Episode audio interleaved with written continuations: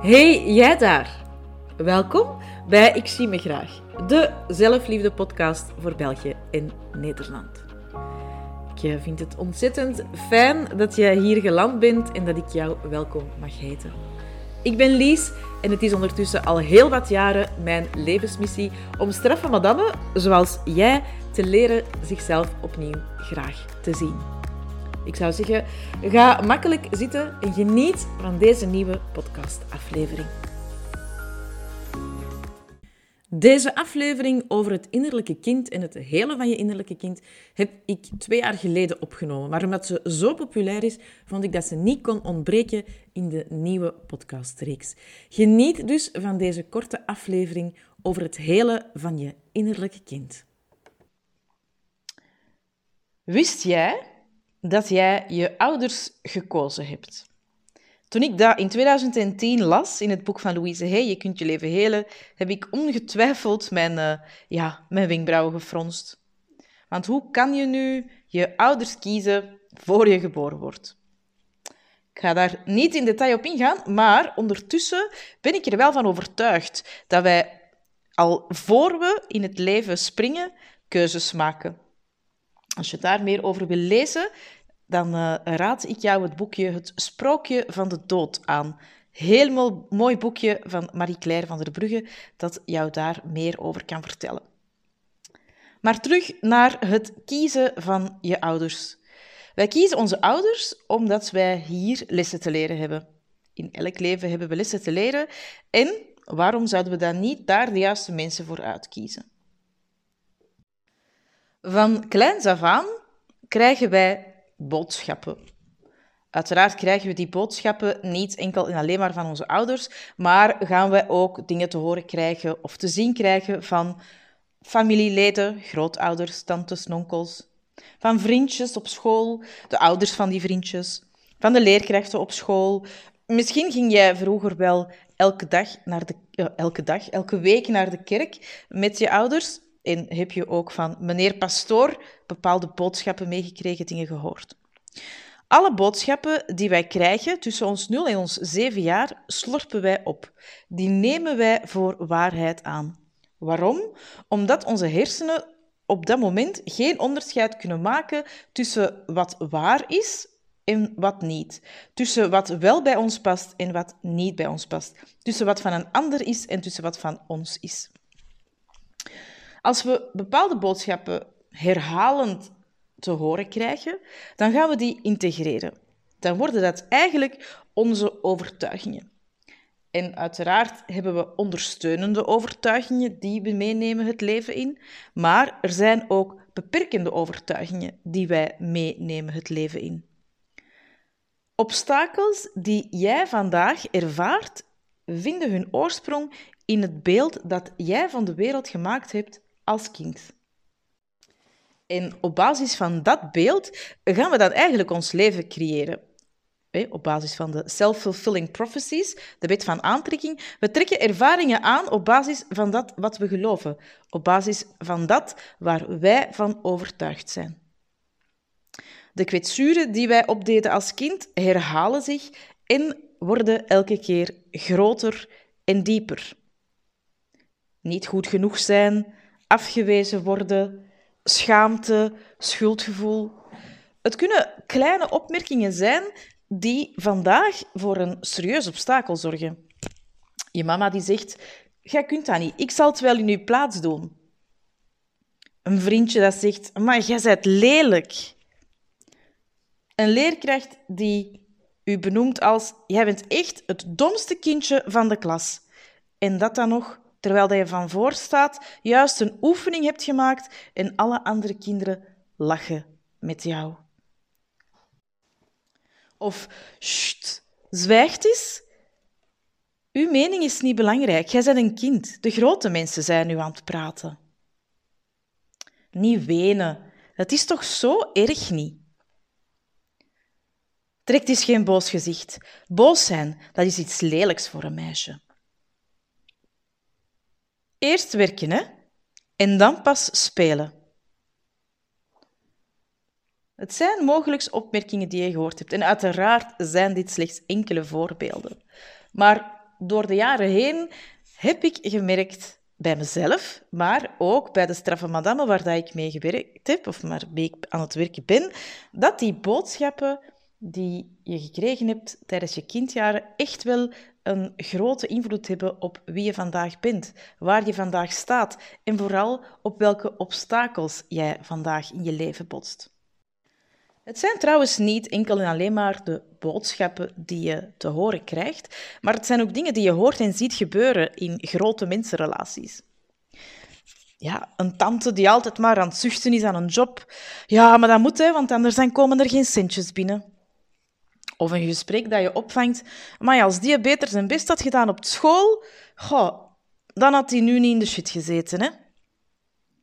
En dan zo terloops tegen de kinderen aanwezig zeggen. Dus je ziet wat dat ervan komt hè, als je best niet doet op school. En zolang dat we niet stilstaan, dat we naar die overtuigingen kijken en kijken ja, van wie dat we die hebben gekregen, van wie dat die eigenlijk zijn, blijven we dat met ons meedragen. Want gaan we die wel effectief zien als een stukje van onszelf als een deel van ons, als iets dat onze waarheid is. En het is pas op het moment dat je beseft, oh, eigenlijk, het leven dat ik leid vandaag, ja, dat klopt niet meer. Dat voelt niet juist. Ik zit in een job omdat ik daarvoor gestudeerd heb, maar eigenlijk, ja, nee. En ja, in mijn relatie, ik wil niet opgeven, hè, maar ik ben daar zo hard in aan het ploeteren. Het zijn momenten die je doen beseffen dat je het anders wil. Maar dat je er precies op jezelf niet uit geraakt. In 2010 heb ik mijn burn-out gehad, die mij heeft doen stilstaan bij alles in mijn leven op die moment. En ja, als je dan terugkijkt, daarvoor heb ik best wel geworsteld. Heel erg geworsteld, onder andere met relaties. Maar ik dacht dat dat normaal was. Ik dacht dat dat niet meer kon veranderen. Dat dat gewoon zo hoorde. En het moment dat ik stilstond bij alles, hè, toen dat ik in die burn-out terecht kwam, ja, toen ontdekte ik patronen en obstakels die eigenlijk niet van mij waren, die dat ik had overgenomen van anderen. Die dat ervoor gezorgd hadden dat ik ervan overtuigd raakte dat het zo was. En ik had echt alles om gelukkig te zijn op die moment. En toch was ik het niet. En ik kon er de vinger niet op leggen. Maar toen ik ging kijken naar de verschillende levensgebieden en ja, waar dat ik stond, en als ik heel eerlijk was, wat dat ik eigenlijk wilde, maar hoe kwam dat dan dat ik daar niet geraakte? Toen kwam ik uit bij die beperkende overtuigingen. En toen ben ik echt gaan kijken, oké, van wie zijn die boodschappen eigenlijk? En het is uiteraard belangrijk als je dat werk doet, dat je dat doet zonder met een vinger te wijzen naar de mensen van wie je die boodschap gekregen hebt. Want iedereen in dit leven geeft door datgene wat dat ze zelf gehoord hebben. Datgene wat ze zelf als waarheid zien. En ik heb daar juist gezegd, het zijn niet alleen van uw ouders dat je die boodschappen hebt gekregen, maar ook van andere familieleden, van op school. Er is ook een heel deel cultureel bepaald. Ehm, de plaats waar je geboren bent, de cultuur die in dat land heerst, heeft ook vaak veel te maken met die, met die overtuigingen. Maar stilstaan. Durven kijken naar de gebieden in je leven waarop dat je voelt... Ja, dit klopt niet. Hier zit iets niet juist, ik ben geblokkeerd, ik wil naar ergens anders en ik raak niet verder. Hoe komt het dat ik niet door die blokkade geraak? En van waar komt die blokkade? Daarnaar gaan kijken. En er zijn uiteraard heel veel verschillende manieren waarop dat je die, die beperkende overtuigingen voor jezelf kunt ontdekken, maar ook kunt gaan ontrafelen. En niet alleen ontrafelen, maar ook ja, er dieper op ingaan, zodat je door die patronen en door die blokkades kunt breken. Dat is iets wat ik jammer genoeg niet in een podcast helemaal kan toelichten, maar dat zijn wel dingen in coachsessies, uh, ga ik daarop in. Dit najaar komt er een uh, specifiek traject echt gericht op het innerlijke kind, omdat ik zelf weet en er zelf al veel werk ook aan gedaan heb, een opleiding in gevolgd heb, specifiek daarvoor, om u te begeleiden naar die doorbraken, om ja, die patronen niet te blijven herhalen, om een ander leven voor uzelf te creëren, om u te laten zien dat dat echt wel kan. Maar het belangrijke is dat je eerst ja, dat verleden opkuist. En er zijn hele mooie meditaties rond uw innerlijke kind. Hè, want uiteindelijk gaat het over kwetsuren van ons innerlijke kind. Healings, hypnose, er zijn veel schrijfoefeningen. Hè. Er, zijn, er zijn echt heel veel manieren waarop dat je daar aan kunt werken. Maar het doel is uiteindelijk om je te ontdoen van alles wat niet van u is. Om daar voor uzelf een eerlijk inzicht over te krijgen. Om opnieuw contact te gaan maken met uw innerlijke kind, met dat kleine meisje in u. Want dat kleine meisje is een stuk van u. En misschien heeft dat kleine meisje niet altijd gehoord wat het wilde horen om als volwassene te staan waar dat je vandaag staat. Maar ook daar kun je oefeningen voor doen. Vertel uw klein meisje wat dat het graag allemaal gehoord had. Ga echt in contact met je innerlijke kind. Ga die dingen doen die je graag deed als kind. En kijk wat dat dan met je doet. Welke spontane ja, herinneringen dat je gaat bovenkrijgen. En mogelijk komen er door in contact te komen met je innerlijke kind ook inzichten in die beperkende overtuigingen die je hebt meegekregen. Want we hebben die allemaal meegekregen, die overtuigingen. Um, daar hoeven we niet onnozel over te doen. Iedereen van ons heeft beperkende overtuigingen. En ik heb er in 2010 veel opgekuist. Ik heb er in 2012 opgekuist. Uh, ik heb er vorig jaar opgekuist. Weet je? Er zijn zo bepaalde momenten in je leven waarop dat alles stilstaat. Of waarop dat je voelt dat er, dat er grote veranderingen zijn. Ja, dat, er, dat je stappen gaat zetten. Dat die oude patronen wel een keer opnieuw kunnen bovenkomen. Of dat er nieuwe patronen naar boven komen, nieuwe beperkende overtuigingen, waar dat je ervoor eigenlijk ja, niet bewust last van had, maar waar dat je dan nu wel bewust last van begint te krijgen. En dat is oké. Het leven komt in golven en ook dat werken aan onszelf, dat gaat in stukken. Het hoeft niet allemaal in één keer. Want ik denk als we echt alles in één keer gaan ontrafelen, ja, dan, kunnen ze ons, dan kunnen ze ons wegsteken. En dat is uiteraard ook niet de bedoeling. Waarom is dat nog belangrijk, dat ontrafelen en dat contact maken met dat innerlijke kind? Um, om ja, te beseffen dat je anders mocht kiezen als volwassene. Dat je niet hoeft die oude patronen te blijven herhalen.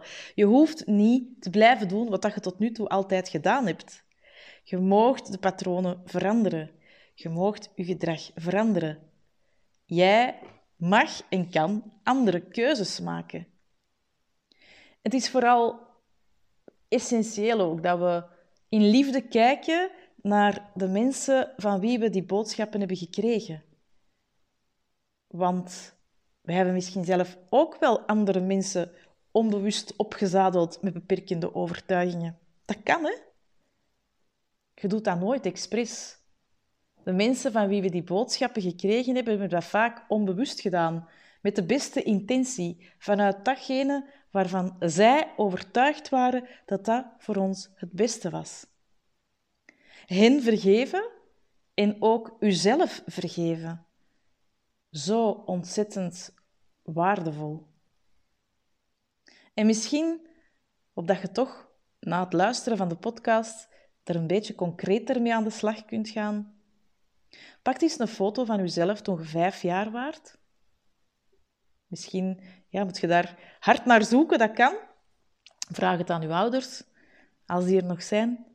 Of ga een keer in uh, oude fotoboeken snollen. En neem je foto mee en kijk daar gewoon eens naar. En laat je hart overstromen van liefde voor dat klein meisje op die foto. En vertel haar wat dat je nu tegen haar wilt zeggen, met alles wat dat jij vandaag al weet, vertelt haar wat dat ze verdient in het leven, wie dat ze is, hoe fier dat je op haar zijt, wat voor een wereld dat er nog voor haar ligt.